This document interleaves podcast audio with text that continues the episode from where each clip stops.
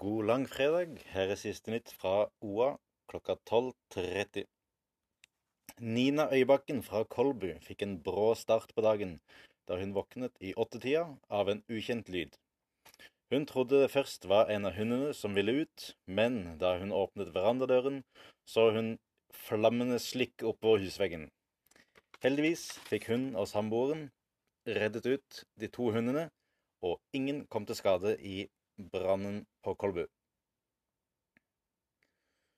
Politiet har kartlagt hendelsesforløpet etter dødsulykken på Lygna i går.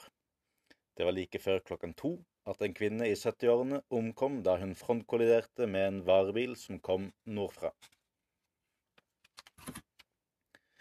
Fire ordførere og rådmenn fra Gjøvik, Østre Toten, Vestre Toten og Søndre Land har vært på studietur til Portugal.